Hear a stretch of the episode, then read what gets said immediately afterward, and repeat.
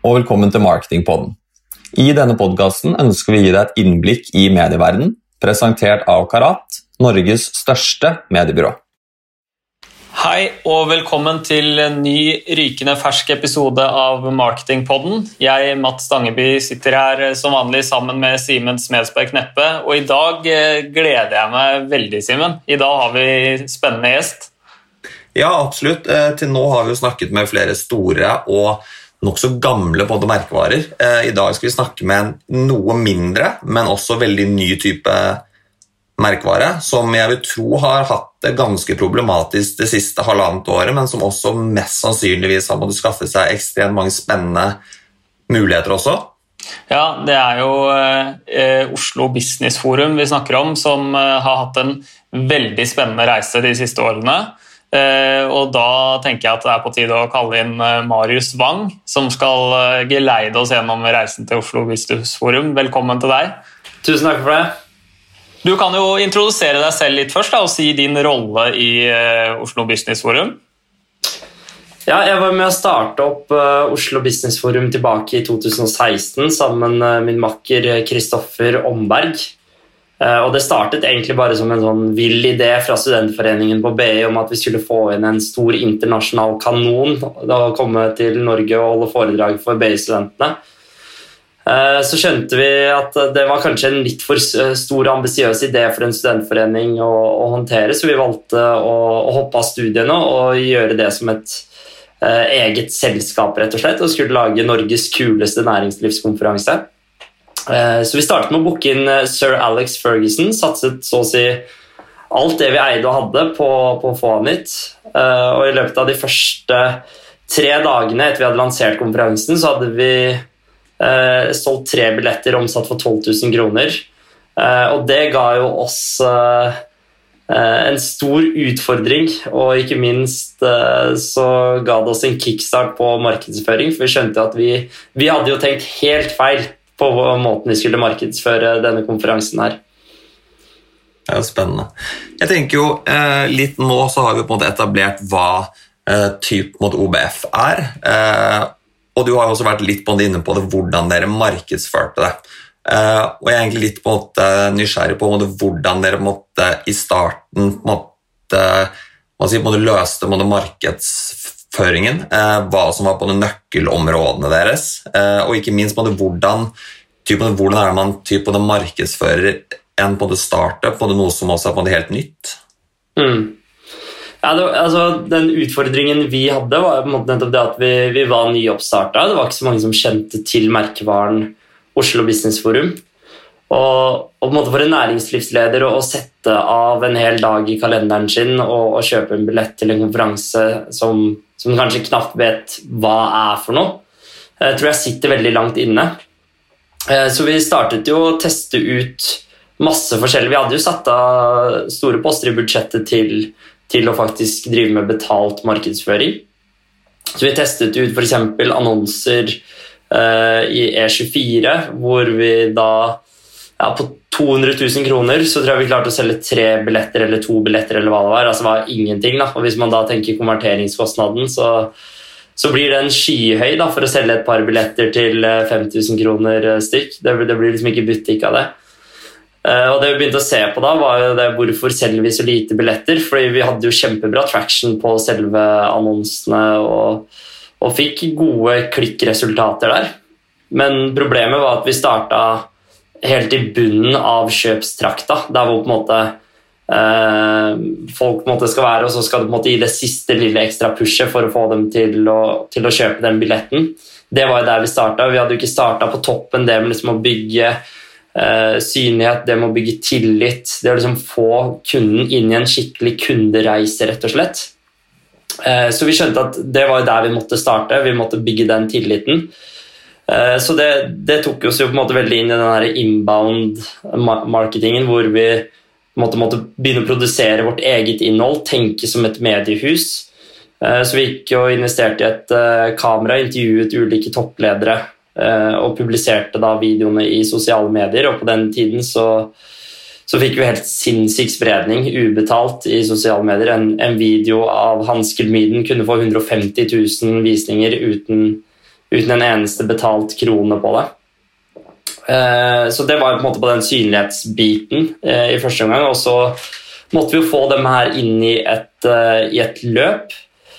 Så da begynte vi med webinarer ganske tidlig og kjørte et webinar med Anita Krohn Traaseth hvor vi hadde 5000 påmeldte. og da, det er klart da Når du kan generere 5000 leads på, på ett webinar, så, så, gir det en vanvittig effekt. da, Når man da også kommer til det liksom, siste, det, siste, steget hvor du liksom skal få dem til å Eh, til å faktisk kjøpe den billetten og, og sende ut den e-posten som uh, sier at nå må du sikre deg din billett i Oslo Business Forum.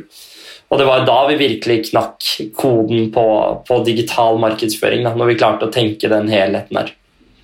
Mm.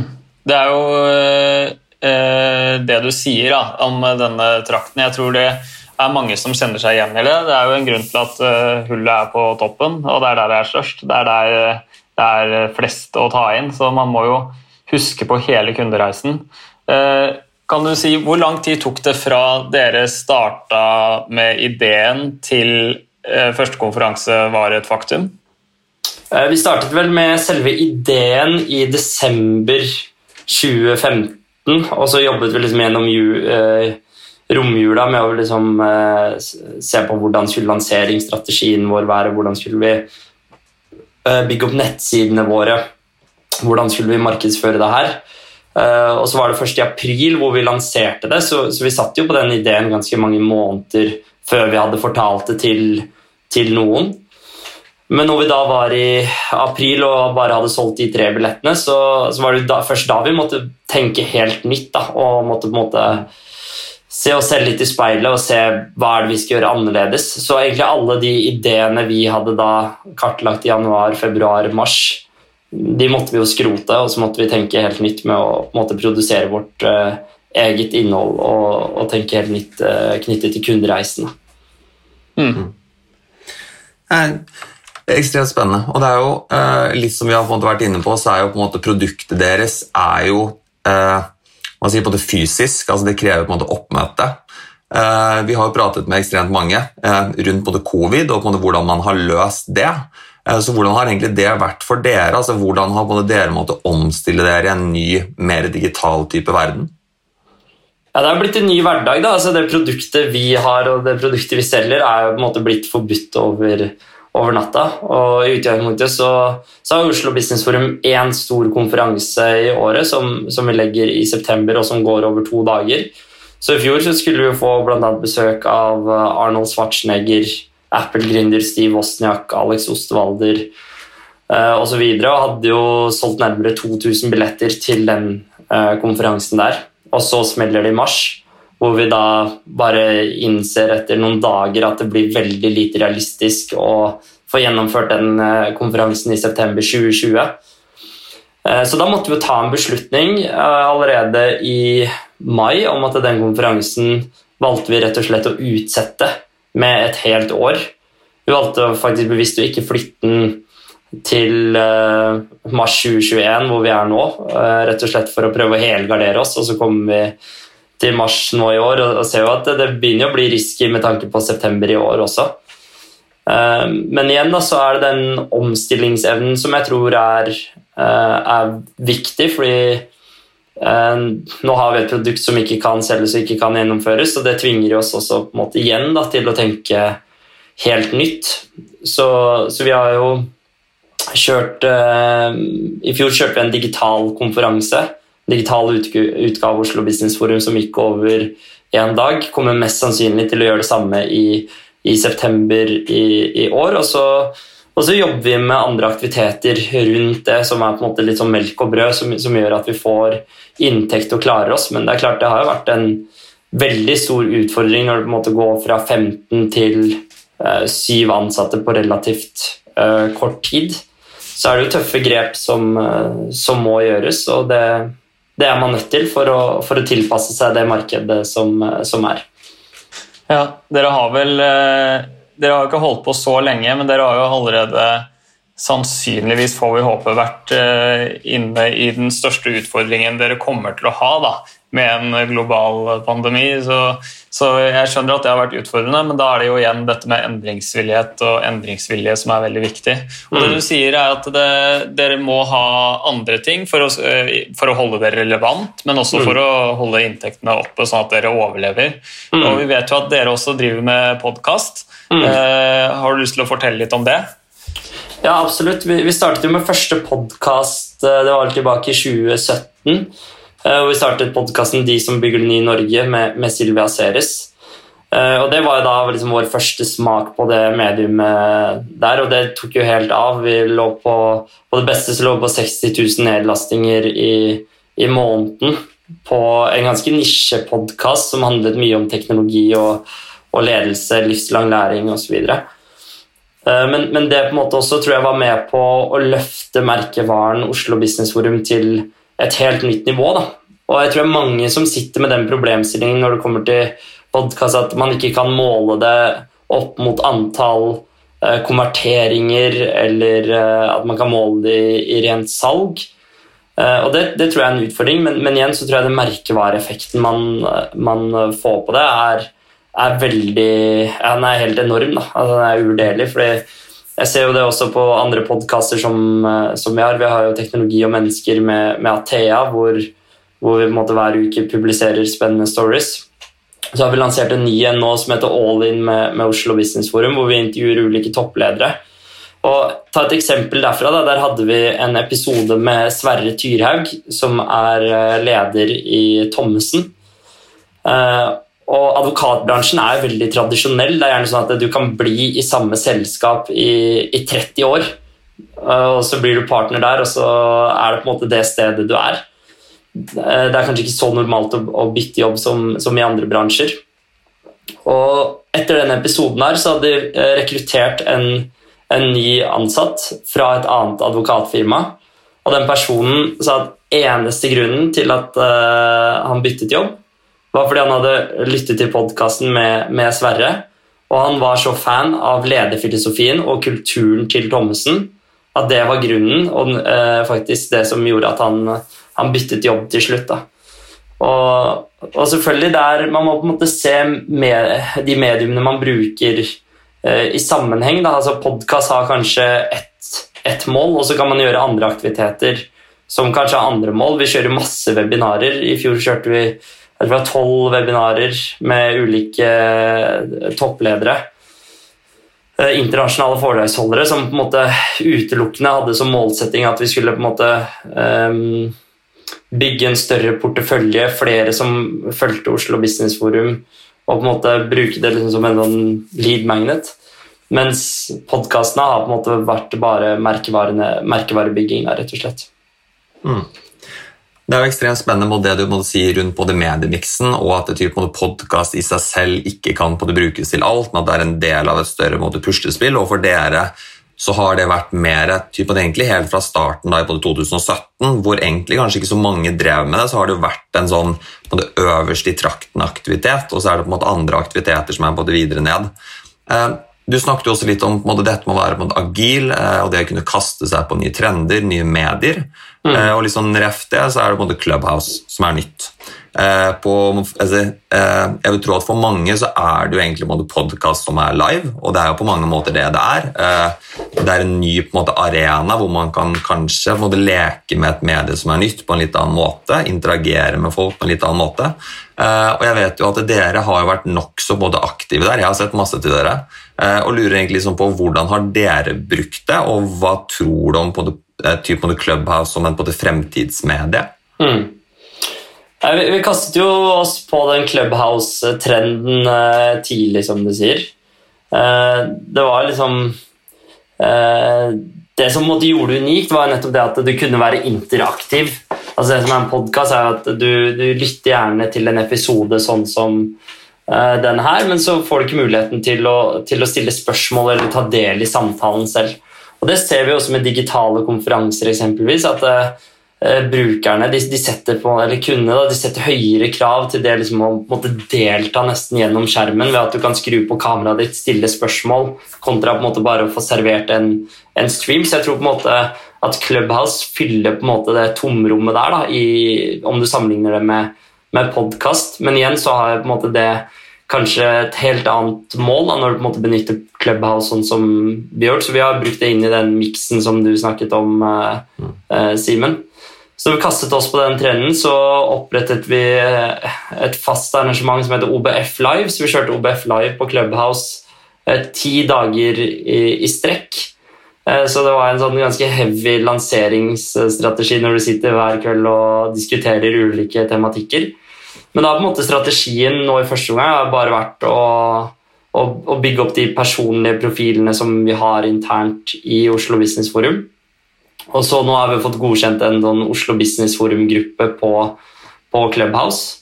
Men vi ser jo det at det er jo en veldig fin måte faktisk å, å treffe de som følger Oslo Business Forum til det daglige, ved at man kan dra dem opp i panelet, de kan komme med sine innspill. Uh, og på en måte du bygger relasjoner på en helt annen måte da, enn det man kanskje gjør gjennom e-postmarkedsføring, webinarer, digitale konferanser eller, eh, eller podkaster. Mm. mm. Tror du det er lavere, Merker du noe at det er lavere terskel for folk å stille spørsmål eh, og, og, si det de mener i en setting der hvor det bare er lyd og ikke bilde og ikke face to face? Jeg tror terskelen er lavere, og så tror jeg det er en litt sånn tilvenningssak også for de som benytter Eh, med det. At det på en måte kan være litt sånn ubehagelig i starten når du akkurat har kommet deg på plattformen og på en måte bruke den raise hand-funksjonen og, og, bli med opp i panelet. Men jeg tror man på en måte venner seg kanskje mer og mer til det. da. Og det er veldig mange som har mye bra å bidra med, og det gir på en måte samtalen en helt annen eh, dimensjon. da, Når du kan få inn en som hører én ting, og så på en måte velger å utfordre den som snakker på på akkurat det, fordi det kan være ting som moderator ikke fanger opp eller ikke tenker på i det hele tatt. Og så har man mm. andre flinke folk i, som sitter i, i, salen som man kan dra opp i panelet og, og få innspill fra. Mm. Jeg tenker, eh, Før vi sier eh, måte, takk for i dag, så har jeg egentlig lyst til å stille et måte, siste spørsmål. Det er egentlig litt sånn, Hvis vi skal prøve å se sånn inn i både glasskula på, på Clubhouse, typen som et både medie, nå er det jo på en måte gratis, det er ikke mulig å gjøre noe betalt annonsering. Tror du det er et medie som kommer til å bestå? Tror du det kommer til å bli ekstremt forandret? Fordi jeg vil jo anta at en eller annen type betalingsløsning vil jo på en måte komme med på type mulighet for å annonsere der. Ja, Hvordan forretningsmodellen deres blir, det blir jo veldig interessant å, å, se om de kommer til å ta betalt av brukerne, eller om det kommer til å bli uh, annonsering. Så har jo Clubhouse hatt uh, sine utfordringer på en måte knyttet til personvern og, og, GDPR, så det er jo ting vi også opplyser om når, når, vi markedsfører samtaler her, at vi anbefaler alle som registrerer seg til å, til å sette seg godt inn i det. Uh, men, men, jeg tror jo igjen at, at de løser et problem som kanskje ikke så mange andre har gjort. Da. Du har jo interaktive plattformer for for tekst, og du har på en måte begynt å få, få det i videoplattformer uh, hvor man kan kjøre webinarer med, med, flere tusen deltakere, og folk kan være interaktive. Men jeg tror den der, uh, lyd har på en måte kommet for å bli. Det er, det er, det er ikke sånn at det forsvinner over, uh, over natta. Så, jeg vil jo tro at Clubhouse kommer definitivt til å, til å bestå. Men så er det jo spennende å se hva, hva gigantene som f.eks. Facebook da, kommer til å gjøre med det her. Kommer de til å opprette noe tilsvarende som eh, Clubhouse, eller kommer det til å komme nye aktører på, på markedet som, som, ser, eh, som, ser, et annet potensial enn kanskje det Clubhouse gjør? Det er umulig å si, men, eh, men selv er jeg veldig fan av det formatet der. Og, og vi ser jo at det er at det er stor etterspørsel etter det, nettopp å kunne ta del i samtalene og, og være med på diskusjonene selv, definitivt. Og så har nok pandemien litt å si, at man har sittet inne lenge og kanskje ikke får vært ute og treffet, uh, truffet så mange folk som man kanskje normalt ville gjort. Som igjen gjør det mer interessant å kanskje tappe inn i en samtale på, på kvelden da, for å få de sosiale inputene. Mm. God timing, rett og slett. Jeg tenker det var eh, det vi rakk. Jeg har også lyst til å komme med et lite personlig en ønskegjest. Hvis vi snakker toppleder, inspirerende, karismatisk, Eh, så tenker jeg at eh, hvis dere får inn Jørgen Klopp som gjest i Oslo Business Forum, så vet jeg om hvert fall 10-15 mann som løper og kjøper billett. Så det er eh, på en måte avslutningen her, Marius. Så vil jeg takke for at du tok tid til å prate med oss. Da skal vi satse på at det er Jørgen Klopp som kommer til Oslo Business Forum neste gang, Mats. Det er strålende. Da kommer jeg til å sitte på første rad. Ok, ja, men jeg tenker det var det vi rakk, Simen. Så takker vi for oss, og høres vi neste gang. Det gjør vi. Tusen hjertelig takk for at du kunne stille opp, Marius. Takk for at jeg fikk lov til å være med. Utrolig gøy. Ha det bra. Yes, ha det bra.